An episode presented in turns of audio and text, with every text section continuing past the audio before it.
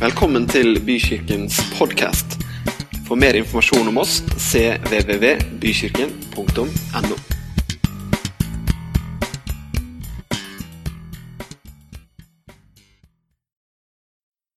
Vet noen som vet hvor lang tid sol, sollyset bruker fra, liksom fra det starter på sola? Fra de, fra de setter på bryteren til det treffer oss? Ja, Det var veldig nøyaktig, altså. 8 minutter og 19 sekunder, sier eh, noen kilder. Så åtte minutter er godkjent. Sola er eh, eksistens... eh, Hva skal man si? Grunnlaget vårt. Hadde ikke sola funka, hadde ikke sollyset truffet jordkloden, så hadde vi ikke kunnet leve her. Og alt det vi spiser, alt det vi trenger, er på en måte et resultat av at sola treffer jorda. Sola når fram, og plantene de eh, vokser, de omdanner energien til organisk materiale gjennom fotosyntesen, og dyr og mennesker. Vi lever av å spise de plantene. I begynnelsen, står det i første Mosebok, skapte Gud himmelen og jorden. Jorden var øde og tom, og mørket lå over dypet, og Guds ånd svevde over vannet. Da sa Gud, 'Det skal bli lys'. Og det ble lys. Profeten Jesaja sier, 'Det folket som vandrer i mørket, ser et stort lys.' Over dem som bor i dødsskyggens land, stråler lyset fram. For en, et barn er oss født, en sønn er oss gitt. Herreveldet er lagt på hans skulder. Han har fått navnet Underfull rådgiver, Veldig Gud, Evig Far, Fredsfyrste.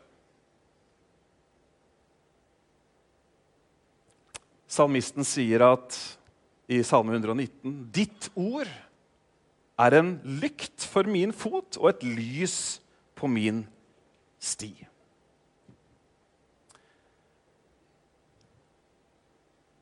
I dag skal jeg snakke om lys. Vi trenger alle lys. Og nå vet jo de fleste som eh, lever her i Norden, at lyset påvirker oss. Man snakker om vinterdepresjon, og man snakker om lysbehandling, og man snakker om at generelt så er kanskje første steget, hvis man kjenner seg en tanke nedstemt eller tung til så er det å utsette seg sjøl, eksponere seg sjøl for sola, noe som hjelper. Ser dere at jeg har blitt litt brun? Er det ingen som ser det? Nei, det er noen ærlige her som rister på hodet. Men jeg starta altså bruningssesongen i går. Det var nemlig sol, og jeg benytta sjansen til å gå ut. Og jeg benytta sjansen til å stoppe de gangene hvor sola traff meg. Tar du deg tid til det når du er ute? Oi, nå traff sola meg. Stopp opp, lukk øynene, senk skuldrene og trekk, trekk pusten. Og vær takknemlig at for 8 minutter og 19 sekunder siden så ble det sendt noen stråler som nå treffer meg, og som gjør noe med meg. Vi trenger lys. Vi trenger lys, ikke bare for å se hvor vi går hen rent fysisk osv.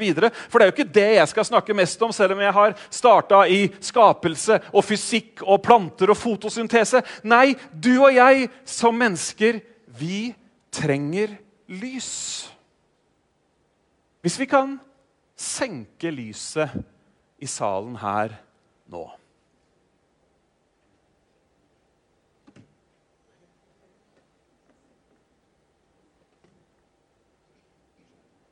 De som har mista håpet,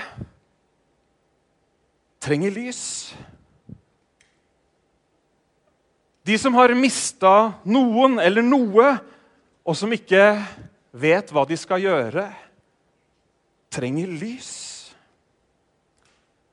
De som ikke vet hvilken vei de skal gå, de som ikke vet hvem de skal stole på, trenger lys. De som ikke har fred i sitt innerste. De som kjemper med selvforakt. De som skader seg.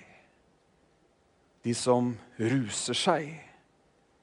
De som påfører smerte, fysisk eller psykisk. De som lever uten Gud. Trenger lys. Ofte så er det statistikk som beskriver mange av de kategoriene som jeg nevnte nå. Men la oss ikke glemme at statistikken, det er noen vi kjenner. Noen vi jobber sammen med, noen vi bor ved siden av. Noen som er en del av oss, vårt liv, på en eller annen måte.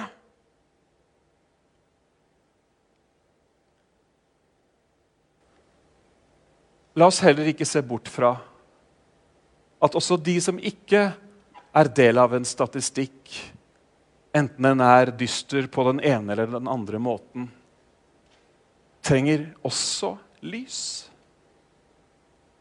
Vi trenger lys. Så da kan vi sette lyset på igjen. Takk til dere som eh, tente lys for oss. I Salme 43 så står det Send ditt lys og din sannhet. La dem lede meg og føre meg til ditt hellige fjell, til dine boliger. Vet du hva, Du og jeg vi trenger lys i livene våre. Vi trenger lys i hverdagene våre. For selv om vi kanskje ikke passer inn i en eller annen kategori, som jeg akkurat nevnte, så trenger vi at noe lyser opp dagen vår. Kanskje du kjenner noen sånne solstrålepersoner som hvis de har ringt deg, så er bare dagen helt annerledes. Håper du kjenner noen sånne. Ingen gjør det, nei? Nei. Da skal vi sette opp en liste og få eh, litt fart i de, de folka. Men er det, ikke, er, det ikke, er det ikke med på tanken noen ganger kan du møte noen også? Er det liksom, det er et liv der, og det er en framtidstro, og du får fornya håpet ditt og det ene og det andre. Hallo? Talk to me, somebody. Dere er her? Ja, men så bra. Vi trenger lys. Og vet du hva? Alle mennesker trenger lys. Og ikke, Nå snakker jeg ikke om det fysiske lys, men vi trenger det lyset som gjør noe med våre innerste tanker. Det lyset som er den flammen, det håpet som brenner, som gjør at vi orker å ta en dag til. Vi trenger det lyset. Bibelen snakker masse om lys. Enormt snakkes det om lys, og ikke minst så beskrives situasjonen med Gud kontra situasjonen uten Gud, som mørke uten Gud, og som lys med Gud. I 1. Peter så står det.: Men dere er en utvalgt slekt, et kongelig presteskap, et hellig folk, et eiendomsfolk, så dere skal forkynne Hans underfulle storverk, Han som kalte dere ut av mørket og inn i sitt underfulle lys. I Johannes så står det Jesus sa til dem, ennå en liten stund er lyset hos dere. Vandre mens dere har lyset, så ikke mørket skal overvinne dere. Den som vandrer i mørket, vet ikke hvor han går. Og så står det, 'Jeg er kommet som et lys til verden', for at hver den som tror på meg, ikke skal bli i mørket. Du trenger lys. Jeg trenger lys. Vi trenger lys. Menneskene rundt oss trenger lys.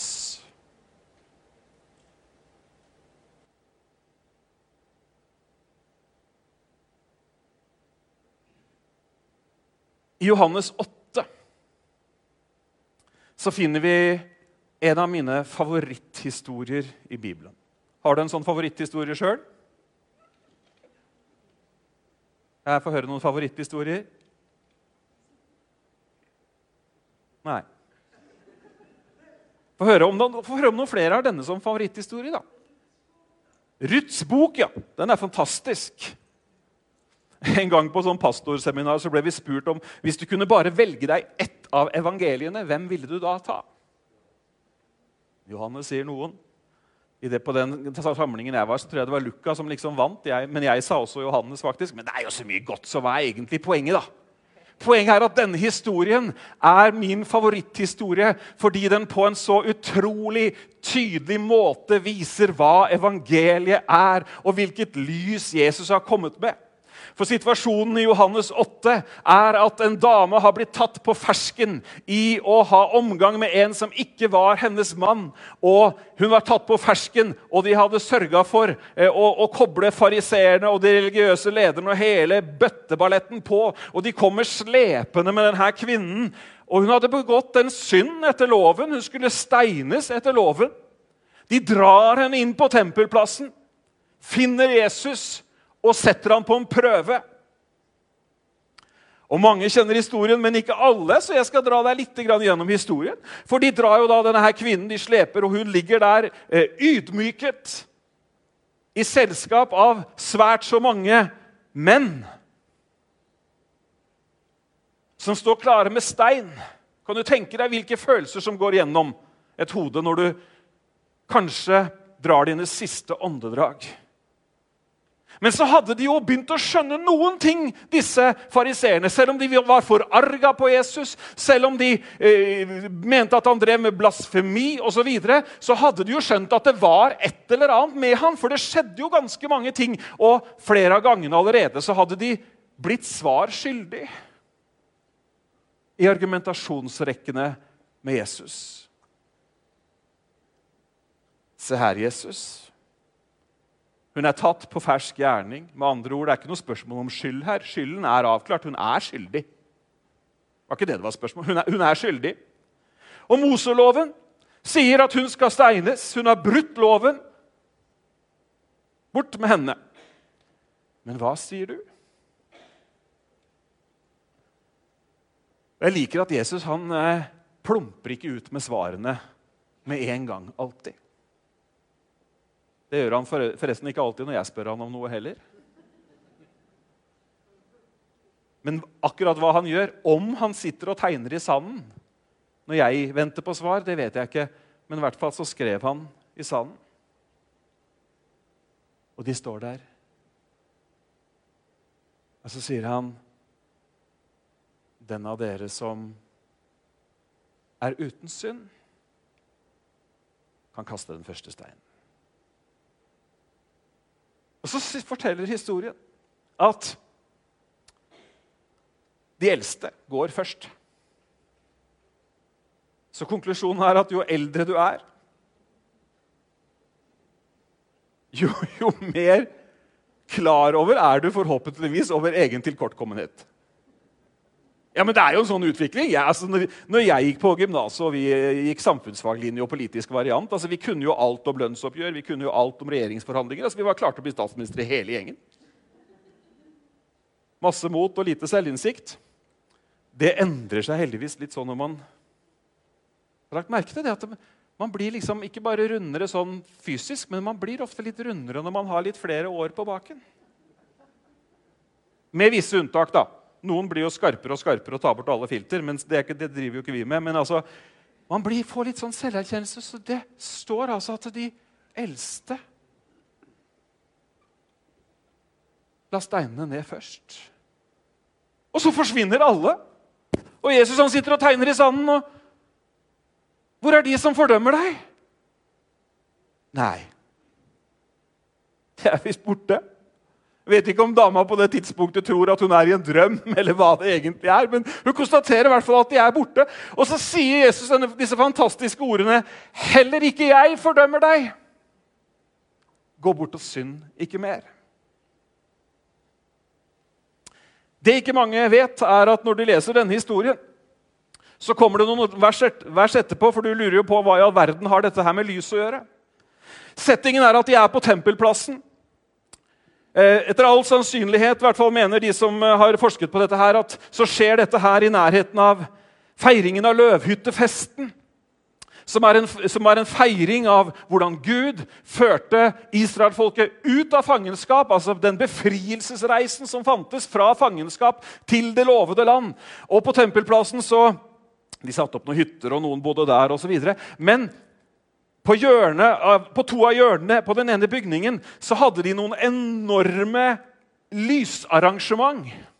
Og det var jo ikke LED og moving heads som de hadde, men det var altså noen store lysestakelignende fakkelstativ, om du vil. Og de var så kraftige at de lyste opp hele tempelgården. Og de lyste opp tempelet så det liksom ble synlig for hele byen. Altså Det var liksom Det var lys, kan du si. Og så er det, så, er det så fantastisk fordi at eh, Jesus, han Det neste han sier etter at han sier 'heller ikke jeg fordømmer deg, gå bort og synd ikke mer', er at han sier 'Jeg er verdens lys'. Han kunne like gjerne sagt 'det er jeg som er sola'. Det er mulig at dere har arrangert noen fine religiøse lamper her. Det er mulig at dere har deres ritualer osv. Men glem det, for det er jeg som er verdens lys. Er ikke det fantastisk, da?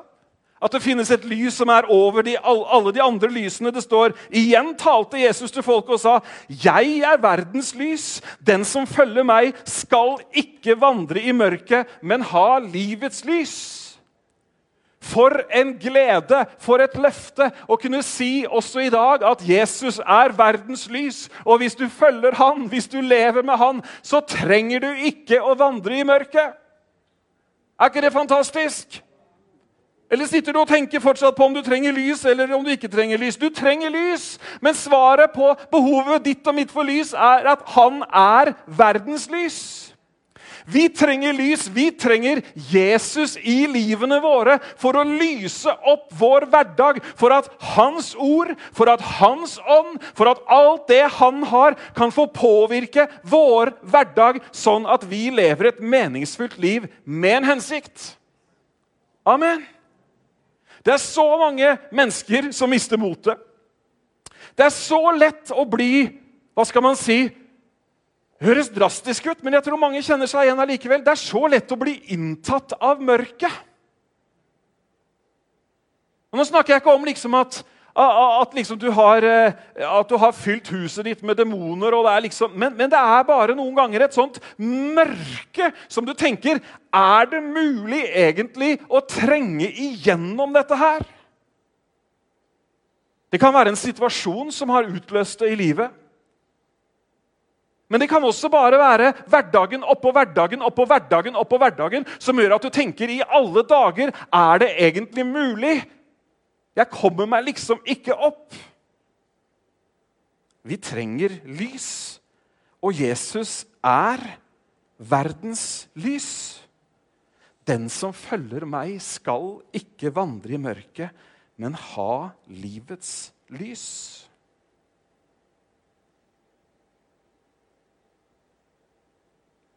Hvordan får man hans lys inn i livet, da? Hvor får man tak i det lyset han har?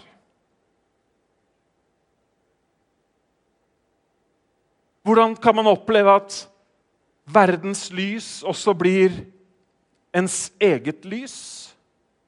Hvordan kan man oppleve at det lyset som er sterkere enn mørket, ikke bare er noe man hører om, men noe man også opplever sjøl.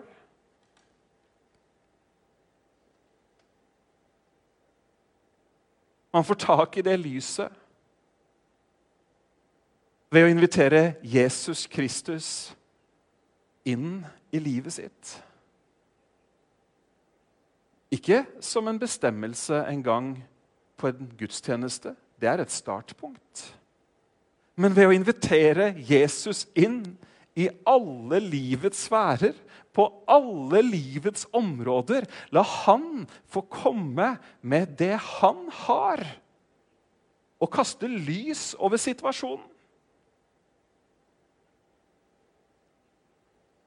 Og vet du hva? Bibelen, som er hans ord Ordet ble menneske. Du kan ikke skille Bibelen og Jesus. De er ett, fullstendig. Så én konkret måte å få lys inn i livet sitt på, er ved å la Bibelens ord kaste lys over din hverdagssituasjon. Sagt på en annen måte, og nå jeg vet at vi er veldig praktisk, men vi må være det noen ganger også. Sagt på en annen måte, Hva sier Bibelen om dette? Ja, men sier Bibelen om det? Du vil bli overraska over alt det hverdagslige Bibelen snakker om. Bibelen snakker om hvordan vi skal behandle de eldre. Bibelen snakker om hvordan vi skal behandle våre jevnaldrende. Bibelen snakker om hva vi skal gjøre når mørke tanker kommer. Bibelen snakker om hva vi skal gjøre når bekymringen eller bitterheten eller sinne eller, eller, eller, eller alle disse menneskelige, hverdagslige følelsene som vi opplever fordi vi samhandler og er en del av et sosialt eh, system og kjenner mennesker. Bibelen snakker om hele pakka! Og det er jo da en måte å kaste Eller det er jo da Jesu lys inn i situasjonen. En gang for noen år siden så havna jeg litt sånn merkelig i en Det var egentlig to andre som krangla veldig. og så ble jeg liksom en sånn part i den saken uten at jeg egentlig var det. Og, så, og det, her, det, var, det, var, liksom ikke sånn en liten krangel og så forsona seg, men det, de skilte liksom litt sånn lag. Og så skjønte jeg plutselig at jeg var liksom tatt litt til inntekt for den ene siden av dette her. Og jeg tenkte, hva skal jeg, hva skal jeg gjøre nå, da? Altså, jeg, For å si det sånn jeg, jeg kan fortsatt ikke til dag se at jeg hadde noe på en måte skyld i dette her. Og så tenkte jeg skal jeg bare la relasjonen fare, da. Det er jo vi mennesker gode på. Er vi ikke det?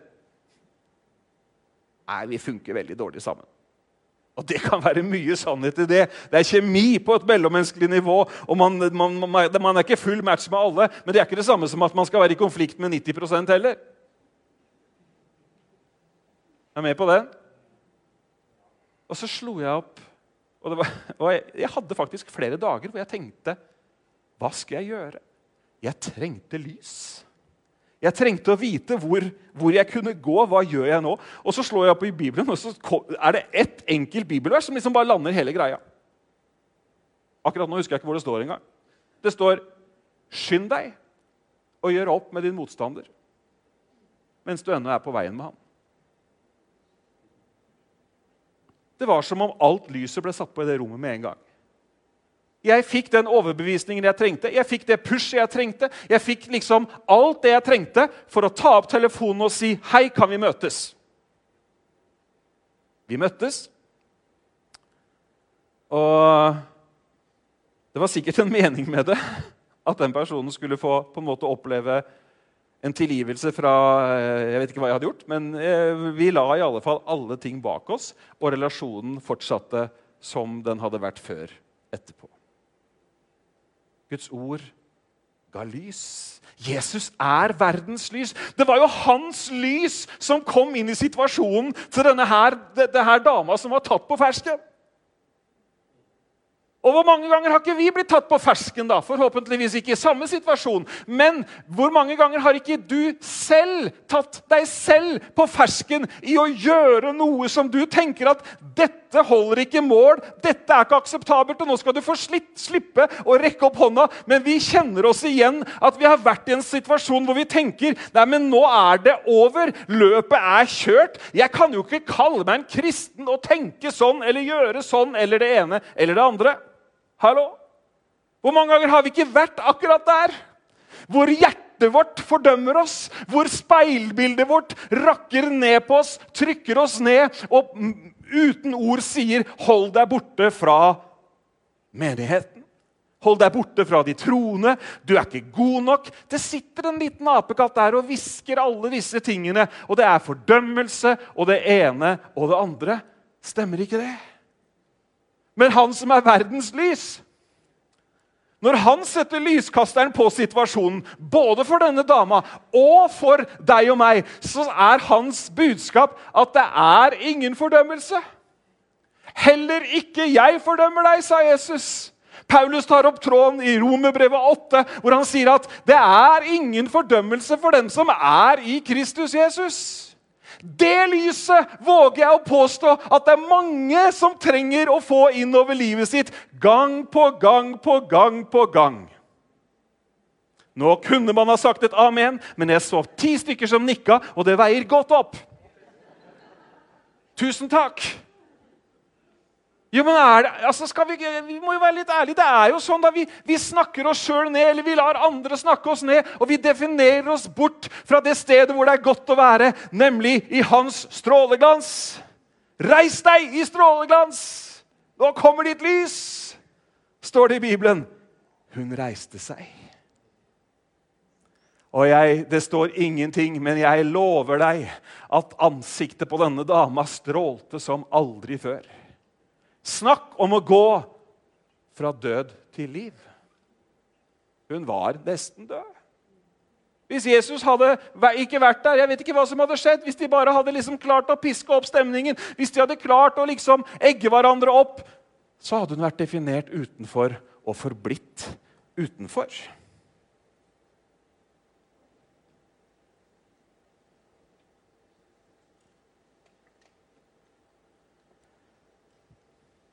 Rett etterpå så er det en historie til om lys.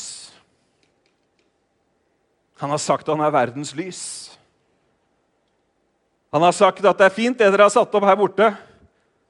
Men det lyset som forandrer, det lyset som driver mørket bort, det er det lyset jeg kommer med.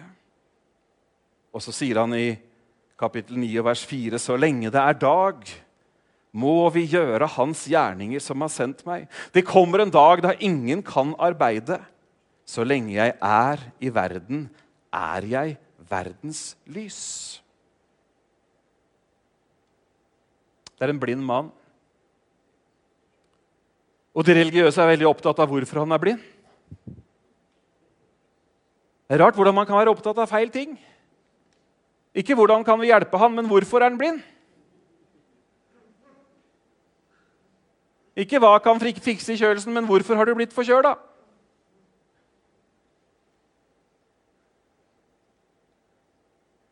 Jesus spytter på bakken, lager en leireblanding, smører på øynene hans. Og han, får, og han får beskjed om å vaske seg i en dam som heter Siloadammen. Han får hjelp bort til Siloadammen og vasker seg og får synet tilbake. De religiøse prøver å lage litt krøll, og de, de fatter ikke altså, det, hvem har egentlig gjort dette. her. Nei, det var en som sa jeg skulle gå og vaske meg, og jeg gjorde som han sa. Og Så spør de foreldrene hans. Foreldrene hans sier han må, han må svare for seg sjøl. Han er jo voksen. De var livredd for å miste medlemskapet i pinsemenigheten på stedet.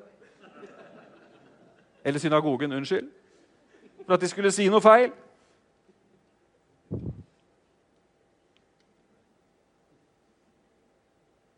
Og Så hører Jesus om dette, her, så han oppsøker mannen. Og så kunne vi lest hele historien, men du kan gjøre det i Lukas 9. Det er ganske morsomt. Så spør han da, hvem er det som har gjort det. Nei, jeg vet egentlig ikke helt. Han har jo, han har jo aldri sett Jesus. Nei, men det er sant, Han har jo ikke det før nå. Ikke sant? Blind får leire, søle på øynene, går og vasker deg, og så begynner eh, forfølgelsen fra de skriftlærde. Så sier Jesus Eller han sier, 'Si meg hvem det er, så jeg kan tro på ham.' Så sier Jesus, 'Det er meg. Det er jeg som snakker med deg.' Og så begynner han å tro. Det morsomste i den historien kan du lese når du kommer hjem, det er jo når han, han, han her mannen han er litt han er litt tøff. Han eh, spør fariseerne dere er så voldsomt interessert i dette. Har dere tenkt å bli disipler, dere også. Da, da smeller det. Men det kan du Der gikk grensa, kan du si. Vi må gå inn for landing. Du trenger lys. Jesus er verdenslys. Og så kommer det til det som er, gjør at dette her er sånn superinteressant. Det har jo vært veldig interessant så langt. har det ikke det? Si veldig interessant. Veldig relevant. Ja, definitivt. Men nå nå tar hun. For Jesus han sier faktisk at vi er verdens lys. Altså ja på tempelgården, ja med den blinde som skulle vaske seg. Ja, jo da, verdens lys, så det holder. Men så sier Jesus i Matteus 5.: Dere er verdens lys. En by som ligger på et fjell, kan ikke skjules. Heller ikke tenner man en oljelampe og setter den under et kar. Nei, man setter den på en holder, så den lyser for alle i huset. Slik skal deres lys skinne for menneskene, så de kan se de gode gjerningene dere gjør, og prise deres far i himmelen. Har du noen gang vært på vei for å finne en by du ikke har vært i før? Det er ganske lett å finne en by. Er du enig i det? Eller har du liksom kjørt og kjørt og kjørt og har ikke sett noen by? har ikke sett noen by?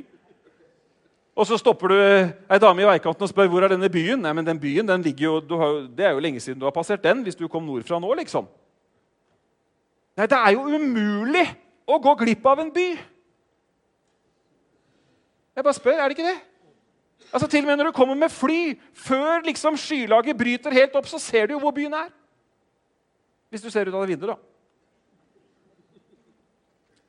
Men han sier altså her at 'dere er verdens lys'. Han sier ikke at vi skal fortelle om lyset. Johannes, derimot døperen Johannes, som vi snakka litt om her rundt juletider, han var, var jo ikke lyset, men han snakka om lyset. Men Jesus sier, det er noe helt annet, for Jesus sier at 'dere er verdens lys'. Og når dere er verdens lys, så er det som en by som ligger på et fjell. Det er umulig å skjule det. Nå så vi en bitte liten by her i stad med fire stykker som reiste seg med med, med et lys i hånden. Det var jo umulig å ikke se det, var det ikke det? Hvis du hadde passe syn.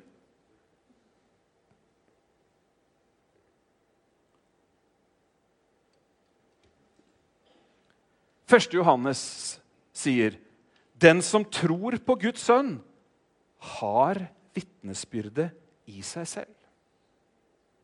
Sagt på en annen måte den som tror på lyset, han har lyset. Så står det i andre Korinterbrev.: For Gud, som bød lyset og skinne framfor mørket, han har latt det skinne i våre hjerter for å la lyset fra kunnskapen om Guds herlighet, altså opplevelsen, erfaringen av Guds herlighet i Jesu Kristi ansikt, skinne fram.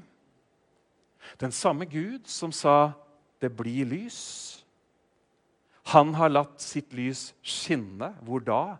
Inni våre hjerter. Hvorfor det? Jo, for at herligheten, storheten, makten og alt hva Jesus har, ikke skal stoppe der, men skal skinne fram gjennom oss. Dere er verdens lys.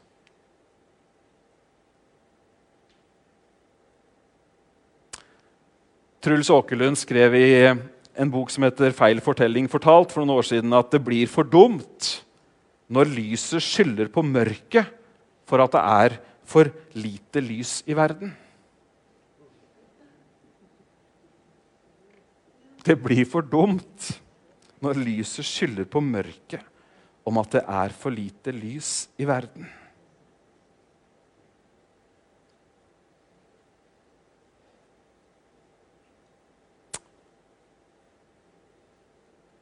Hvis du lukker øynene dine bitte lite grann.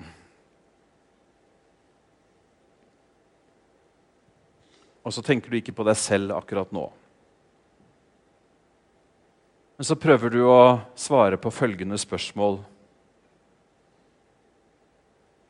Hvem kjenner jeg som trenger lys?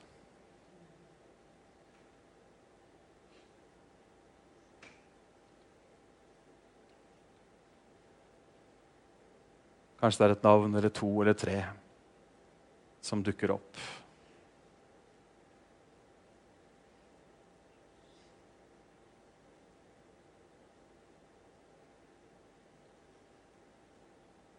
La oss slippe lyset vårt til. La det stråle fram, det lyset som vi har fått. Han som bør lys og skinne i mørket. Han har latt sitt lys skinne inn i våre hjerter. Sånn at det han har gjort med våre hjerter, skal stråle ut fra oss. Jeg tror at vi har et oppdrag, om du vil. Vi har en funksjon, vi har en misjon. Og det handler om å la den skatten som vi har fått, deles med andre. Og så er Bibelen så tydelig på at vi har denne skatten som i en leirekrukke, som i noe skjørt, som i noe som ikke i seg selv er sterkt nok eller godt nok. Og Det er jo der vi ofte diskvalifiserer oss sjøl. Men Bibelen sier rett ut at vi har denne skatten i et leirkar.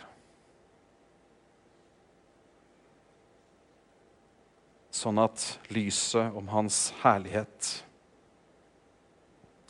kan få spres til nye mennesker.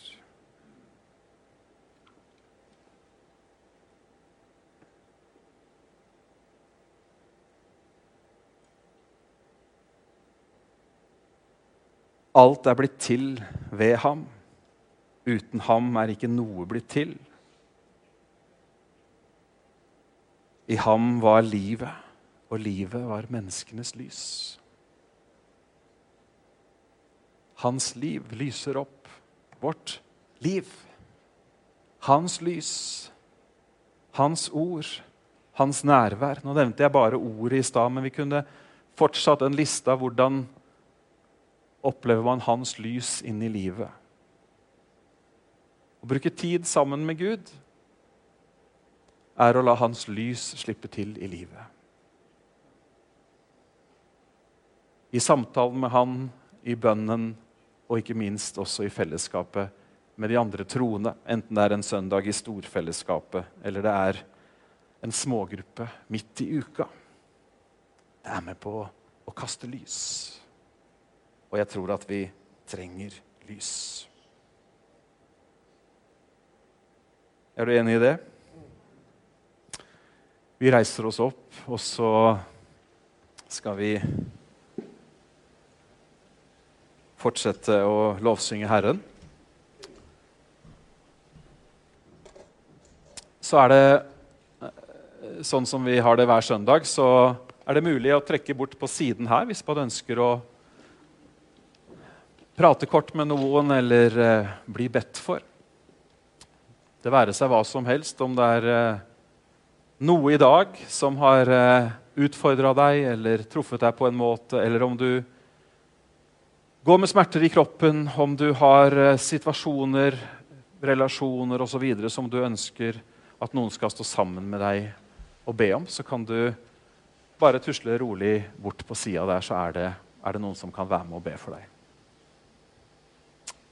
Kjære far, vi takker deg for ditt levende ord. Takk for ditt løfte. Takk at du er verdens lys. Og Herre, jeg ber om at du skal lyse opp flere områder av vårt hverdagsliv. Flere områder hvor din sannhet kan få slippe til. Den sannheten som gjør oss fri. Den som setter ting i rett forhold til hverandre. Takk for ditt lys, Herre, som leder oss til eh, ditt fjell og til dine boliger, som salmisten skriver. Takk at ditt ord er en lykt, og det er et lys som gjør at vi kan gå videre. Vi kan gå videre sånn at vi kan legge noen ting bak oss.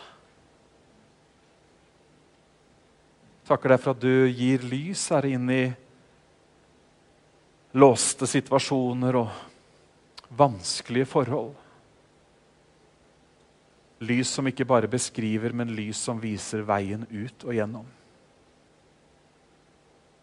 Takker deg for det, far. Takk for din omsorg for oss og din kjærlighet som du har vist oss. Amen.